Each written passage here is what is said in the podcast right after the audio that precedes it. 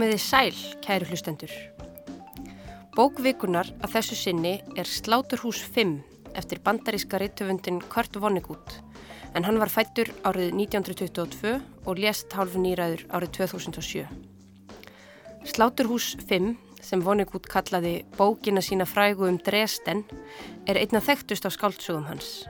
Hún heitir fullunapni Sláturhús 5 eða Barnakrossferðin, skildudans við dauðan og fjallar um Billy Pilgrim, mann sem er laus úr viðjum tímans. Einu stundina er hann glerugna sérfræðingur í heimabæ sínum í bandaríkunum, aðra stundina er hann í bandaríska hernum á meginlandi Evrópu í setni heimstriöldinni, en einnig er húnum rænt af geimverum frá plánutinni Tralfamadori og hafður þar til sínis í dýragarði. Billy upplifir meðal annars sprengju árásitnar sem lögðu Þýsku borgin að Dresden í rúst í februar 1945 en þar byggir Kurt Vonnegut á eigin reynslu. Sláturhús 5 sló í gegn í bandaríkunum þegar hún kom fyrst út árið 1969 og árið 1982 kom hún út í íslenskri þýðingu Sveinbjörns í Baldvinssonar. Til þess að ræða Sláturhús 5 eru hingað komin þau Bryndís Björgvinsdóttir, ritt höfundur og þjóðfræðingur og Sigurður Valgersson, upplýsingafulltrúi fjármála eftirlitsins. Velkomin. Takk fyrir. Takk, takk.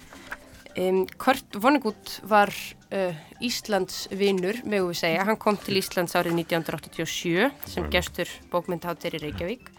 Sigurður, þú varst einn af skiplegjendum háttíðarinnar og kynntist Vonnegut. Um, var það mikið kapsmál fyrir skiplegjenduna að fá Vonnegut til landsins? Já, við vorum, sko, þetta er önnur háttíðin sem er haldin og það var mjög spennandi að reyna að fá sem stærst nöfn og ég var, var útgáðstöru almenna bókafjörðarsins á þessum tíma og og hann hafði komið út hjá því fórlægi og var svona þá alveg ekstra áhuga samur sendi honum uh, bóð sem hann afþakkaði mjög kurtislega en velritað svona á pergamentispappir og en sagðist þakkaði samt fyrir þetta kemi frá læsustu þjóð uh, on this planet eins og hann alltaf orðaði það. Og svo eins og er gerist það síðar að við heyrum að konan hans e, þáverandi sem var ljósmyndari erði með ljósmyndasýningu í Íslandi og þá settist við Tór og Tór ringdi og ég var svona klappstýra og hann náði Vonnegut á, á það að, inn á það að koma til landsins með konunni og á bókmyndaháttið svo hætti konan við en Vonnegut náttúrulega var svo pottjættur að hann mætti samt og þetta er bara eitt af stundum lífsmýst þegar í gamla daga sko á þessum tíma var ennþá hægt að sjá í gegnum glerið sko á flugstuðinni í Keflavík. Og maður trúði þess nú al, al, ekki alveg að myndi koma. En svo síðan hann háast takkar það með svona krullahár og yfirskjögg og það var ekki séns á því að þetta væri neitt annar en vonlegut og frábært. Var hann þekktur uh, vinsell á Íslandi á þessum tíma? Eh, sko ég kynntist hún að ég er nú verið að reyna að rifja upp. Það var örgulega annarkort svona í lók eh, mentaskóla, ég var student 74 eða er fyrst í hálskóla og ég held að margir hafi gert uh, þessa uppgötun og uppgötaðan þá. Og hann var mjög vinsæll og mér fannst það mjög skemmtilegur höfundur. Svo fannst mér hann líka sko britt upp á nýjungum sem að mér fannst hríkalega töffaralegar en sko hann misti aldrei hann klikka aldrei á því að hann var alltaf skemmtilegur samt sko, það var tímaflakk og höfundurinn hérna, er þáttakandi í frásökunni og mm, alls konar svona stælar, eða svona getur sagt. En þetta gekk allt mjög skemmtilega upp til dæmis í þessari bók og, og bara sem að líka, svo var hann náttúrulega líka svínfindin Ummitt. Bryndis, þú hefur kannski ekki verið á, á bókmyndáti 87 en þú, þú hefur skrifað um, um Vonnegut og, og, og líst honum sem, sem einum af þínum áhrifavöldum. Hvernig, hvernig kynntist þú honum og hva, hvað var það sem að heitlaði þig við hann? Um, ég kynntist honum fyrir myrskilning. Um, Vinnu minn hafði mælti með því að ég myndi lesa, ég heitur ekki Cat 22 um, Eftir Joseph Heller, já. Já, nákvæmlega og, og, hérna, og sagði að hún var eitthvað um stríð og eitthvað svona og svo glemdi ég þessu og svo fór ég að rifja upp hvaða bók var að aftur sem ég átt að lesa, var eitthvað um stríð eftir eitthvað amerikana eitthvað. Og þá saði einhver, já, orðlega slattur úr svim þannig ég fór og sótti hann og held alltaf að ég var að lesa hérna bókina. Og ég bara, bara frá fyrsta kafla, mér erst fyrsti kaflin til dæmis alveg frábær. Og þegar ég sá bara hvað hann var að gera þannig í þessum fyrsta kapla hvernig hann tókst einhvern veginn að blanda öllum fjandanum saman en samt einhvern veginn að halda þræði og halda fókus um, hann blandar saman sko hann er með vísur þetta frekar bara svona ómerkilegar hverstaslegar vísur. Og hérna og ég bland við einhvern veginn þegar Guð torti mér sódómu og, og kona lót lítur um öxl og breytið í saltstópa svo erum við barnakrossfæðina hérna 1212 og, og Dresden og, og einhverja vangaveltur um þú veist góstrykki og eitthvað svona. Ég er bara, mér fannst þetta svo geggjað og brjálað og æðislegt að ég hérna lagði ekkit frá mig bókinu og hef eiginlega ekki enn gert það þótt að séu hvaðliðin svona þrjú-fjögur ár síðan ég las hana fyrst. Já, hann var nefnilega, sko, hann var mjög fyndinn en líka eldklár. Mm -hmm. og mér finnst það til dæmis þegar ég er að lesa flettabókinni aftur núna, að hún stendst alveg tímans tönn, hún er ennþá mjög flott og, og skemmtileg. Og sko svo líka e, er, sko, hann hann er ekkit alltaf að reymbast við að að vera svo snjall, hann er vísar í alveg vel lesin og allt það. En til dæmis eitt af upp og alls hatrið minnum í bókinni þá og mér finnst það en þá fyndið. Það er þessum að hann sjálfur er í hópi bandaríska hermana sem að hitta breska hermen sem hafa fyrir einhvern miskilning fengið allt og mikið af hérna, mat í gegnum rauðakrossin og eru velhaldnir og magarnir á þeim með eins og þvottabretti og þau gefa konunum að borða og þeir fá allir niðurgang. Og sem sagt á blaðsíðu hundraði í íslensku tíðingunni þetta er Billy Pilgrim sem sagt hann er náttúrulega með niðurgang þessu allir. Þá kemur eitt þeirra sem stóð nálagt Billy öskraði að hann væri búin að skýta öll nema heilan. Öskömmu setna sagðan þarna fer hann, þarna fer hann. Hann myndi heilan. Það var ég, þetta var ég þetta var höfundur þessarar bókar mér fannst þetta ógæslega óformlegt og fyndið og skemmtilegt en svo er einmitt þetta er náttúrulega þetta er náttúrulega mögnu stríðsátila þessi bók og og hún hefur líka orðið vinsæla því hún held ég vegna sem hún kemur á, á frábærum tíma líka. Hún er sko þarna hittir inn í andó gegn, gegn stríðin í Vietnam og hérna og, og sem sagt og bara anda hippana þó að Vonnegut var, hann var engin hippi sko, alveg fjarrið því held ég. Mm -hmm. Já, við skulum heyra, þú nefndir einmitt fyrsta kaplan Bryndís, mm -hmm. það sem að Vonnegut stígur fram. Við skulum heyra lesið sagt, upp af annars kapla, það sem að er verið að kynna síðan, síðan Billy Pilgrim til sögunar. Heyriði, Billy Pilgrim er laus úr viðjum tímans. Billy hefur farið að sofa sem elliðær ekkjumæður og vaknað á brúköpstægin sinn. Hann gengur inn um dýr árið 1955 og kemur þá út um aðrardir árið 1941. Hann snýr við og gengur tilbaka í gegnum dýrnar og þá er komið árið 1963. Hann er búin að sjá fæðingu sína og dauða margsinnis, segir hann. Og skreppur alltaf við og við inn í alla atbyrðina þar á milli, segir hann. Billy er spastískur í tímanum og ræður engu um það hvert hann fer næst og þessi tímaferðalög eru alls ekki alltaf skemmtileg.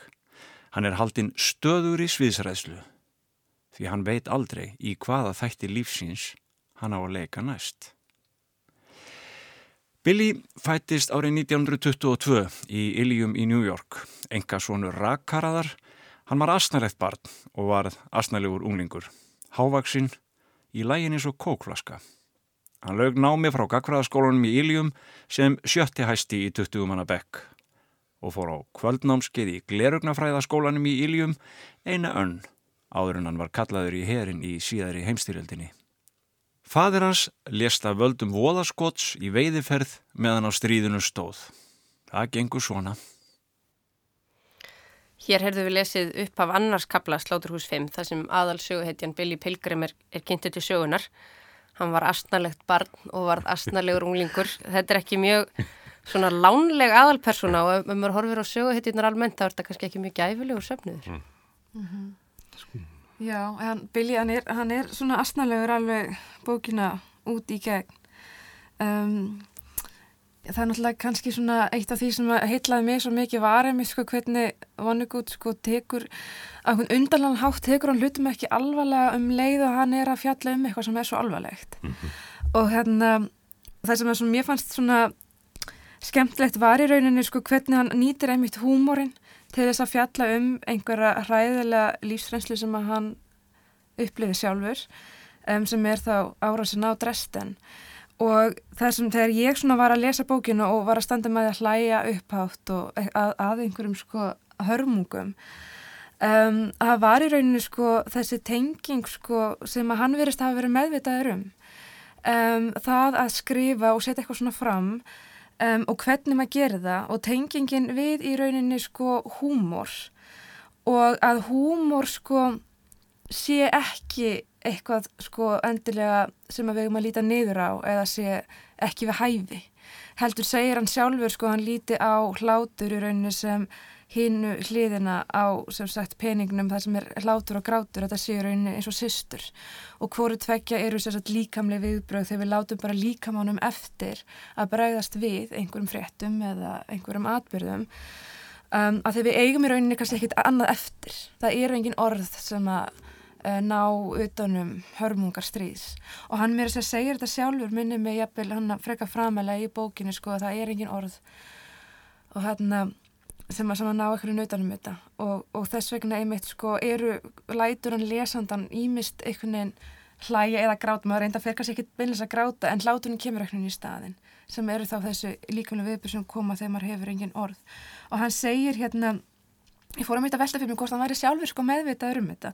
Af því að þetta er eitthvað sem kemur úr sálgreiningu og, og Freud meðal annars skrifaði um þetta um að, um að hlátur væri svona í rauninni spennulosandi og, og losaður um bældar og óþægilegar tilfinningar okkur kannski við hlægjum á tabúum og hlutum sem eru ljótir og valda okkur ónótum og þannig náum við eitthvað eins og allt þetta að losum svo spennu okkur líði betur eftir á sem er nákvæmlega sama og gerist ef við grátum og ég hugsaði sko ætli hann og hann eitthvað hafi verið meðveitur um þetta þá fann ég einmitt kvót hérna í hann sem er held ég bara úr einhverju viðtali eða grein sem hann skrifaði í blað þar sem hann skrifar brandarar geta verið göfir hláturinn er alveg jafn heiðverður og tárin. Hvort vekja hláturinn og tárin sprettu fram þegar við erum örfigluð og úrvinda og sjáum engan tilgang í frekari hugsunum eða viðleikni ég kýsa hlæja því það krefst ekki eins og mikillar tiltæktar eftir á og hægt er að fara fyrir að hugsa aftur og sína viðleginni. Mér fannst þetta svolítið svona, mm. þegar ég svona sá þetta, að þá skildi svona miklu betur stílinn sem hann er að vinna með. Af hverju Billy Pilgrim er einhvern veginn svona astnælugur karakter og af hverju hann lendur í svona astnælegum aðstæðum og sem þar sem að sko vonu ykkur dregur rosalega íktar myndir fram. Og svo er Billy Pilgrim einhvern veginn að valsa bara svona á millið þeirra og þess að einhvern veginn átta sig á einunin einu sem að minnir líka rosalega mikið á, á Góðdóttan Svæk sem fjallar þá um hörmungar fyrir heimstyrjaldarinnar mm. og er nákvæmlega sama í rauninni og Jaroslav Hasek gerir svolítið að mér finnst allavega í, í svæk sko og bæði verkin verða einhvern veginn klassísk og eiga alltaf erindi eru tekin alvarlega á sama tíma og þau þykja fyrir að fyndi og skemmtilega. Já, sko eins og við náttúrulega komum fram þá var það rosalega lengi að finna leiðina að þessu efni og það er örgulega rosalega erfitt að skrifa til dæms bara ef mann hefur líst bara hörmungunum bara í röð þá hefur það getið orðið svakalega erfið og fráhrindandi lesning. Svo líka glýmir hann við það örgulega, ég held sko Billy Pilgrim geti verið svona astnalegur að því að hann vil forðast að sko það er alltaf þessi hægt að maður að lýsa stríði að þá er maður alltaf einnig komið með unga og kraftmegla kallhetju og svo er líka uh, sláandi í, í hans lýsingum að hann er sko astnalegur og hann er hérna með einhverjum svakalegum hernaðaguður í byrjun og hann er með taumur njóstnurum og sko hann slampast einhvern veginn í gegnum þetta á meðan aðrir falla og sko og bóðskapurinn er eiginlega þú veist að, að það, það gerist bara það sem gerist mm -hmm. sko. So it goes Já, so it akkurat stefið í bókinni Já, við tókst að færa það nýra og lægra plan. Við veitum ekki beintið Já, ymmið, við heyrðum það þarna í, í lokin á brotinu sem við heyrðum lesið og þetta koma fyrir rúmlega hundra sinnum í allri bókinni og alltaf, alltaf í kjölfar þessa einhver, einhver deyr. Já. og þetta er alltaf áhugavert þetta, þessi lína, það gengur svona. Það er einhver hva, hvað er það? Hvað, hérna, hver, er, hver er merkingin? Er hann ekki að vinna einhvern veginn svona gegn tilfinningum eða einhvern veginn að, sko, hann segir þetta, þetta svona kærleist, hann lýsir hróðalegum hlut og svo kemur so it goes. Og mér finnst einhvern veginn, sko, maður veldi fyrir sér uh, miða við þessa, uh, þessa, uh, það er maður að segja komið fram svona trú á að allt sé fór ákvarðað í bókinni og, og maður veldi fyrir sér, er það það sem að Vonnegut er að pæla? Ég er ekki alveg viss um það en, en það er samt sem áður sko uh, það er svo, mörg atriði þar sem að hlutinni fara bara einhvern veginn. Og, og líka sko hann er svakalegur þetta er að endalust hægt að pæla að sko so it goes það er einhverjur rosalegir hlutir og þetta kemur bara á eftir því. En svo, en svo sem sagt uh, til dæmis uh, er Billy Pilgrim bent á að hestar sem hann er að beita fyrir vagn að þeir eru blóðir í munvíkonum og hóvarnar eru ónýttir að hann hafi aldrei komist jafn mikið við út af neinu hérna, í stríðinu. Og sem er kannski líka dálítið típisk fyrir svona aðstæður að, að, að, og kannski líka fyrir lífið sjálf maður getur alveg, alveg brotnað saman út af einhverju smottir í þetta, þetta vekur svo allskynns pælingar. Um, Varandi So It Goes þá einhvern veginn kannski í fyrstu sín uh, tengjum maður þetta við einhverjum svona örlega trú en um leiðum maður kynnist einhvern veginn þangagangi vonið út betur þá veit maður betur sko að það er ekki þannig. Fyrir mér þá var hann einmitt svolítið svona nákvæmlega eins og Sigur var að segja sko svolítið svona að varpa ljósi á fáranleika heimsins og hvernig hlutinu kom ofta einhvern veginn ekki heim og saman með ekki sens eins og sagt er. Og hann sjálfur verist að verið svolítið svona held ég svolítið hrifin bara að því að skoða þannig atvik sem að bara henni meika ekki sens, kom ekki heim og saman. Og hann segi til dæmis eins og sterkasta senan frá Dresden er sko þegar það búið að sprengja borgina og brenna fullt af fólki og það eru lík út um allt og þú veist algjörst vonleysi að þá eru bandarísku fanganir þannig að teknir fram og þeir eru að fara að móka upp einhverjum líkum og koma þeim fyrir og, og, og sko hvað segir maður svona ganga frá þeim, bara koma þeim fyrir kattan ef einhvern veginn, mm. losna við þau og, og síðan er það þessi ameríski hermaður sem er með honum Billy Pilgrim í deild að, að hann hann finnur eitthvað tekjetil og, og, og virðist einhvern veginn alltaf einhvern veginn að stela honum í úrústunum hjá fólki sem er sko dáið Heim. en þá kemur, koma þjóðverðanir og standanaverkjan að stela frá einhverjum þeir sem eru, þeir sem eru farnir og hann er bara tekin af lífi af aftökusveit. Og þá kemur hann mitt so it goes. En það er svona, ég sá þetta alltaf til, eins og þetta væri svona til þess að undistreika í rauninni fáránleikan, þú veist frá hverjum var hann að stela, til hvers, í öllu þessu vonleysi hvert ætla hann að fara með hann? Og svo kemur líka fram í bókinu að það stela allir hermerinir, þeir Já. taka allir eitthvað með.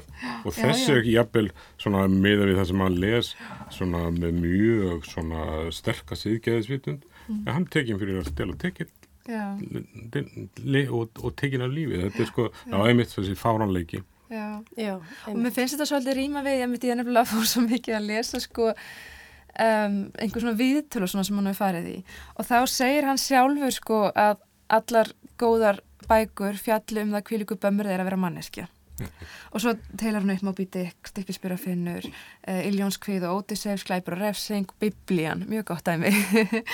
Og, og það er einhvern veginn þetta sem verður alltaf stef, það er einhvern veginn þessu bömmur, þú veist, heimurinn er ekki þannig, allt er bara einhvern veginn fullkomið og kemur heim og saman og, og einhvern veginn, það er einhvern veginn, allir eru með eitthvað, það er fullt af hlutum sem að bara við skiljum ekki, sem að bara gerast og svo er svona hugmyndin sko og hvernig ætlum við síðan bara að lifa með því og takast á við það? Sem ég finn svolítið vera bara hann sjálfur með því að skrifa þessa bók. Og hann tala svolítið um það í fyrsta kaplunum að þetta sé einhver svona úrvinnsla á, á þessari reynslu. Og þá er mitt verður maður svolítið svona hissa og gladur raunin að sjá að úrvinnsla reynir síðan vera svona húmorísk. Að, að það hafi rauninni sko, það tók hann hvað 22 eða 5 ára að, að skrifa bókina og eftir allir hann tíma þá ákvaðan einhvern veginn að þetta yrði úrvinnslan einhvern veginn að, að tala um þetta þannig að jafnvel að maður skellur upp úr og, og, og skemmtir sér vel á milli þessara rosalega erfiðu sena Einmitt. Við, við skulum heyra, hann nefnir þetta líka, við skulum heyra viðtal við Sveinbjörni Baldvinsson, þýðandabókarinnar sem að Jórun Sigurðardóttir tók síma viðtal því Sveinbjörn býr í Lillehammer í Norri. Uh, sko, ég, sko, þetta var heilmikil upplifin að lesa þetta fannst mér vegna þess að sko ég hafi nú aldrei og hef aldrei verið neitt sérlega handgengin til dæmis sko science fiction í sjálfu sér. Um, en las þessa bók nokkuð snemma. Ég get nú fyrir miður ekki alveg muna hvenar það var en það var sko tölvert áður en að ég þitt hana ég geti svona giskað á að það sé svona sko 75, 6, 7 einhverstað þar. Á mentaskóla árunum sko, ég hef lesið hana þá. Og, uh, og þá dætt mér ekki tíu að þýðan eða neitt svoleiðis, ég, mér fannst þetta bara mjög heillandi uh, þessi saga og hvernig hún er sögð og allt að, að það bara, hann leiði sér bara að vera með science fiction vísindaskálskap og, og, og stríðsdrama og ég veit ekki hvað og hvað allt í einni bók. Og, og annað element líka sem ég hjó eftir það var þessi hvernig hann notar formálan og talar þar bara um, um sjálfansvík sem höfund og hvað, hvaða ströggli hann afti í við að vinna úr þessari dresten reynslu sinni úr stríðinu og, og þetta var allt saman voða nýtt fyrir mér sko og svona tók, tók bókmyndið þetta svolítið úr sparifötunum held ég Þarna nefnir Sveinbjörn svipa aðri og, og, og þú varst að tala um Bryndís þetta með að taka, hérna, nota húmórin og, og það sé svona hinn rétta aðferð um, og þetta hefur mynd áhrif síðan á stílinn sem er svona léttur og getur verið alltaf flókin í þýðingu, hvernig finnst ykkur takast íslenska þýðingin? Mér finnst það bara alveg ljómandi góð á Sveinbjörni og hérna hann hafa alveg náð andanum í, í hérna í stíl, eða stíl vonaguts og mér finnst sko Vonnegut skrifa svona frekar létt og ljóst. En svo hefur hann, eh, eins og þú varst að segja eh, Bryndis, hann, hann hefur mikið undir sko og vísan er út um allt en, en það er aldrei aldrei verið að hérna, það, það er svo áreinslu löst mm -hmm. Mér finnst ég er alveg rosalega þess að því mér finnst þetta einhvern veginn á alveg andanum um, og líka einhvern veginn reynslið það er, maður finnir fyrir að maður lesa þetta sko að, að það er svo rosalega skemmtilegt reynsli í sækningunum hjá honum. Og það einhvern veginn kemst til skila. Um, og húmórin algjörlega. Ég bara, ég er stóránað þessa þýðingu. Mm -hmm. Það er skemmtilegt sem að Sveinbjörn að segja líka þetta með science fiction sko að science fiction hefur mjög oft verið svona, eða hefur ekki oft verið hátt skrifið í Hérlendis einhverja luta vegna. Og ég átti aldrei vona á því að ég er því hrifna einhverju sem að hægt var að tengja við science fiction. En svo er að vísu það er svo sem alveg hægt að tólka þetta á annan veg sko að hann sé bara geðvegur og hérna og hafi uh, svona farið á spór Kilgór Trátt sko hérna og, en, en, en hérna og þetta sé, sé bara mynd geðveginar Já Kilgór Trátt kemur hans fyrir í bókinu minnum mig og kemur fyrir líka í öðrum verkum eftir hann. Þetta er eitthvað svona karakter sem poppar alltaf upp aftur og aftur. Hann er vísendaskálsagna höfundur sem er sjálfur, Kilgór Trátt og, og, og, hérna, og það er mjög mísjátt svo er hann alltaf hérna, Bartús af eitthvað annað líka hann þarf að vinna því hann selur ekkert af verkunum sínum og er hérna mjög svona um það, það kemur oft svona að enginn er spámaður í svona föðlandi sko, hann sé að gera stórkoslega verk en, en bara það skilur það enginn og næst aldrei í gegn. Ég las, var eitthvað að lesa um, bara á vefnum um, um, um, um, um meðlan sem Kilgór Trátt og þar var einhver sem heldur fram sko, að það væri ekkit samengi í típunni sem er daldið sniðugt, yeah. hann er ekkit að búa til sko, Kilgór Trátt í Sláturúsi 5 sem að verður síðan að vera sko á sama aldri, hann er bara alla við hann sko. nema hann er svona yfirleitt frekar glataður. Svo held ég að Vonnegut hafi einhvern tíma sagt sko að það verður gaman að sko að science fiction væri langt skemmtilegust í, í svona stuttir endursögn. Það verður miklu, bara tveggja mínu endursögn á bókinni, verður miklu skemmtilega heldur en að lesa hana sjálfa. Aðeins, maður getur nú aðeins skrifa undir það á þess að hafa mikla reynslu samt af af science fiction. En það er kannski, ég nefnilega er alveg sammála ykkur sko, ég hef sjálf ekki sérstaklega gaman af science fiction sko og sækist ekki mikið í það, ég hef voð mikið fyrir svona segi mm. og alls konar svona sögulegar hörmungar og hérna og en sko en ég, einmitt, ég sé þetta þennan vingil sko þegar hann ferðast á aðra plánöttu og, allt það, þetta tímaflakk og svona, ég sé þetta bara sem fjallhættur raunsæði. Þú veist, hann er einhvern veginn bara á mjög skrítnum stað, hann Billy, og hann er líka sjálfur mjög skrítin með erfiða reynslu og er eitthvað svona hálf óhafmyggjusamur og, og hann er einhvern veginn bara, er, við erum svolítið bara í hans sálarlífi, hvernig bara eins og við sjálfurum ofta minnast einhvers og ferðast einhvern í huganum, að þá bara gerum við það einhvern veginn með honum. Ég upplifði þetta svolítið meira þannig heldur en endilega að að við værum einhvern veginn raunverulega að tala um eitthvað tímaflakk eða, eða ferðast í alvörunni einhvern veginn út í geim sko að það væri þetta frekar svona einhver myndlegging og, og jafnvel hann að ruggla einhvern veginn síni upplifun við sko það sem Kilgór Trátt er búin að vera að lesa og sem hann er sjálfur að lesa. Já, af því hann er svo mikill aðdáðandi Kilgór Trátt sjálfur sko, og búin að blanda saman. Ég, ég, ég, svona, Mér fannst það ágæti skilningur líka sko á, á hann er að lesa þetta á sjúkrahúsinu eitthvað svona meðan hann er í móki eða þú veist á milli þess að hann er í móki og þannig að þetta rennur alltaf einhvern saman ykkur gröt hjá hann Svo er þetta líka sko að þessar geimverur sem, sem, sem að ræna Billy Pilgrim og líta í svona gróðum dráttum út eins og drullusokkar með hönd upp úr og grænt auga í lóanum að, að það, er, það, er, það, er, það er líka leið sko eins og víða vonagúts til að svona bakka þess og skoða bara eh, lífið.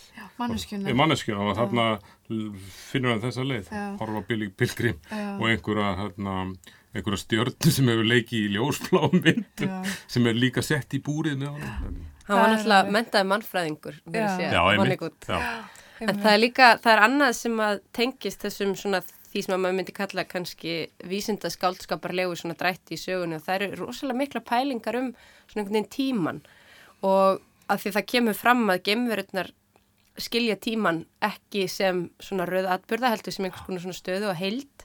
Og þar að leiðandir til dæmis þeirra svona skáldsögur eru ekki eru ekki með plott eða það sem plotti er ekki mikilvægt heldur er þetta bara samsapn svona andartaka. Og, og bókin Sláturús 5 verður kannski pínu þannig að því að það er þessi aðtiklisverða aðferð. Maður er vanur því að það séu endur lit í skáldsögum en þarna er Billy beinlýnis laus einhvern veginn í samhenginu í tímanum og bara einhvern veginn.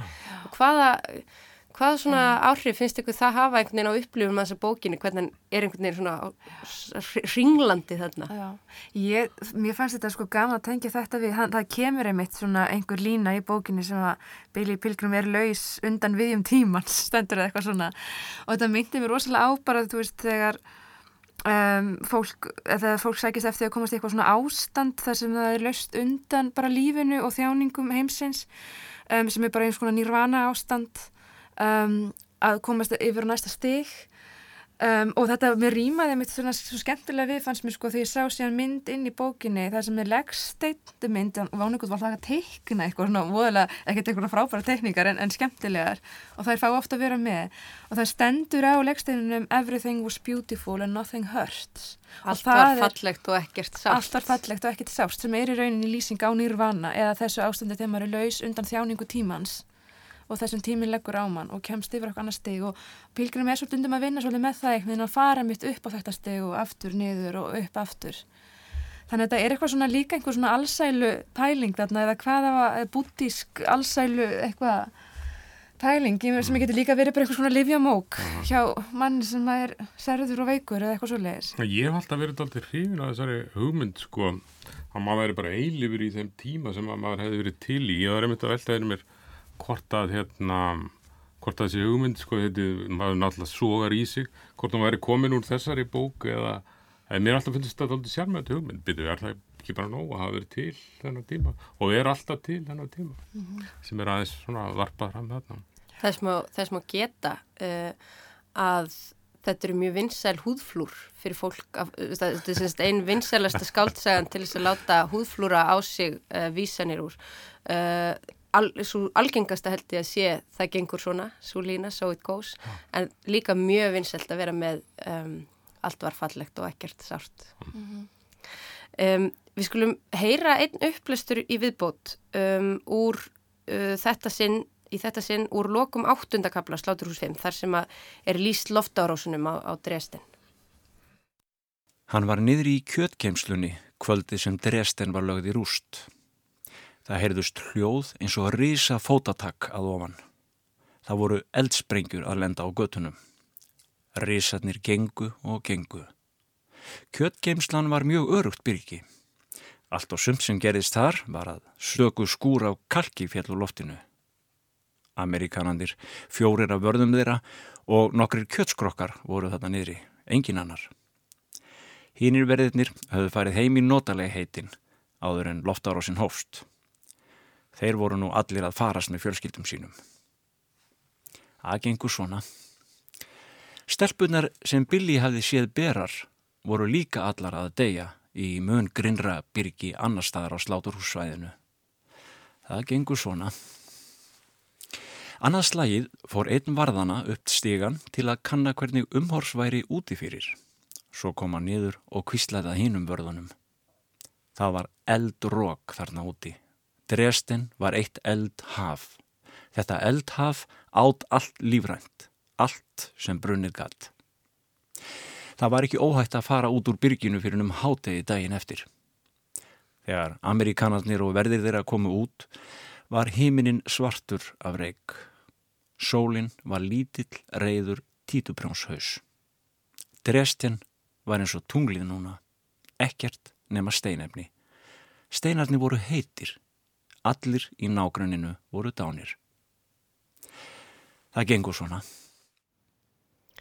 Hérna heyrðu við lesið úr lokum áttundakabla Sláturhús 5 þar sem líst er að loftárósum bandaríkjamanna á Dresden árið 1945. Um, þótt Kort Vonnegut kallaði Sláturhús 5 bókina sína frægum Dresden þá spannar sjálf eyðing Dresden mjög lítinn hluta sjögunar. Um, hann er búin að segja okkur oft frá þessari eyðingu Dresden áður en, en það er ekki byggt upp að henni sem svona dramatískum hápunkti. Þetta er kannski svolítið svona óvænt og ekki það sem að býst við.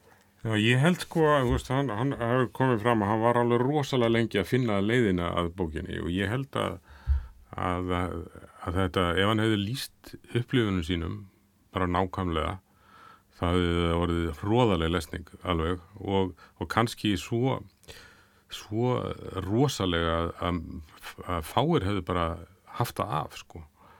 En mér finnst að eins og við höfum talað um notaður hann húmor og, og þetta tímaflakk og að, að tengja þetta bara við að hann segir líka til dæmis einhvers staðar hérna að hvað sem það er að skrifa á móti stríði, það kemur alltaf stríð. Að, hérna, en, en ég, ég held að hann svona ég held að hann hafi bara reynd þetta, þetta hafi verið flott leið sem hann dætt niður á til þess að klára þetta. Mm -hmm. Það segir náttúrulega líka mitt að ekki þetta segja neitt að vita um fjöldamórð maður fær svolítið að vita strax upp af því en hann ætlar ekkit endilega að dvelja ítarlega einhvern veginn í þessu. Heldur meira að vinna með kannski um, reynsluna sem að maðurinn þarf sérna að, að, að, að já, að hann sem Billy Pilgrim þarf hérna að vinna úr og hvaða áhrif það hefur síðan líka svolítið bara á samskipti hans við annað fólk síðan meir og hans eigi sálarlíf. Þannig að þetta er svolítið svona ég sé svolítið mikið sko við fáum að upplefa Dresden sko meira sem þá reynslu hjá einhverjum einstaklingi um, og í gegnum hans samskipti bara við annað fólk setna meir einhvern veginn að það býr alltaf eitthvað svona annað það er eitthvað annað sem getur útskýrt sem við við vitum hvað er. Þannig að í rauninni er þetta líka svolítið svona sálfræðilegt verk kannski að því leitunni til að það er ekkert endilega að vera að dvelja eitthvað mikið við söguna. Það meira svona áhrifin á manneskjuna og hennar líf. Og það kemur mjög vel fram sko í bókinni að, að hann ber þess aldrei bætur að hafa upplifað þetta sko Billy Pilgrim því hann er eiginlega ónýtur maður eftir þetta mm -hmm. og þannig að sko og það er náttúrulega mjög stór hluti líka bara að, að að það eru það, það er bara fæstir sem halda þetta út eða, mm. eða mm.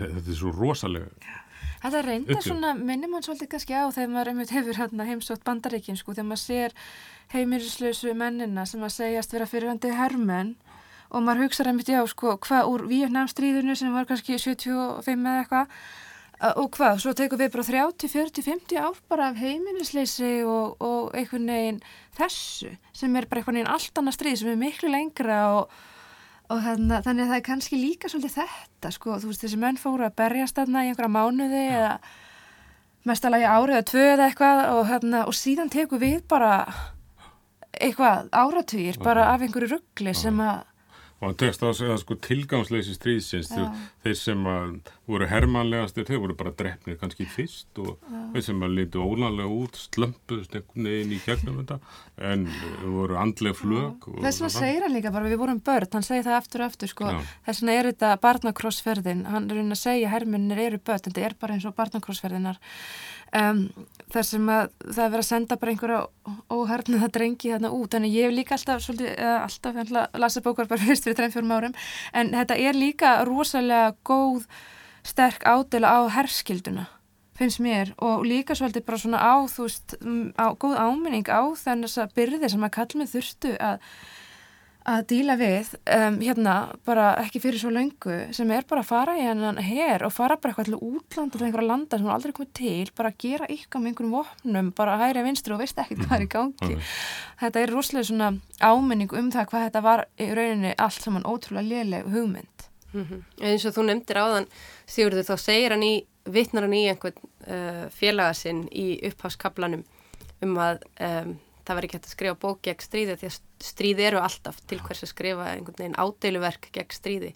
En maður fær ekki að tilfinninguna að hann sé sko þó, þó að hann hafi nú oft verið kallað bölsýnismæður og, og forlega trúar þá fær maður ekki endilega tilfinninguna að hann sé sammála því Nei, honum er, honum er alveg mikið niðri fyrir og einmitt sko, þó hann sé fyndin þá, þá er hann íhugull líka sem er kannski stundu, það fyrir, fyrir kannski ekkit oft saman og, og hérna, og hann, hann trúir því að, að þetta geti eitthvað bætt sko, við tel það. Ég, Já, algjörlega með því að sína fram að fáránleikan sem hann gerir aftur og aftur og aftur mm -hmm. það er svona hlítum maður að hugsa að bóðskapurinn sé svolítið þeim eitt, þú veist bara að að þetta sé fáránlegt að það mætti alveg bara svona fara að hætta þessu.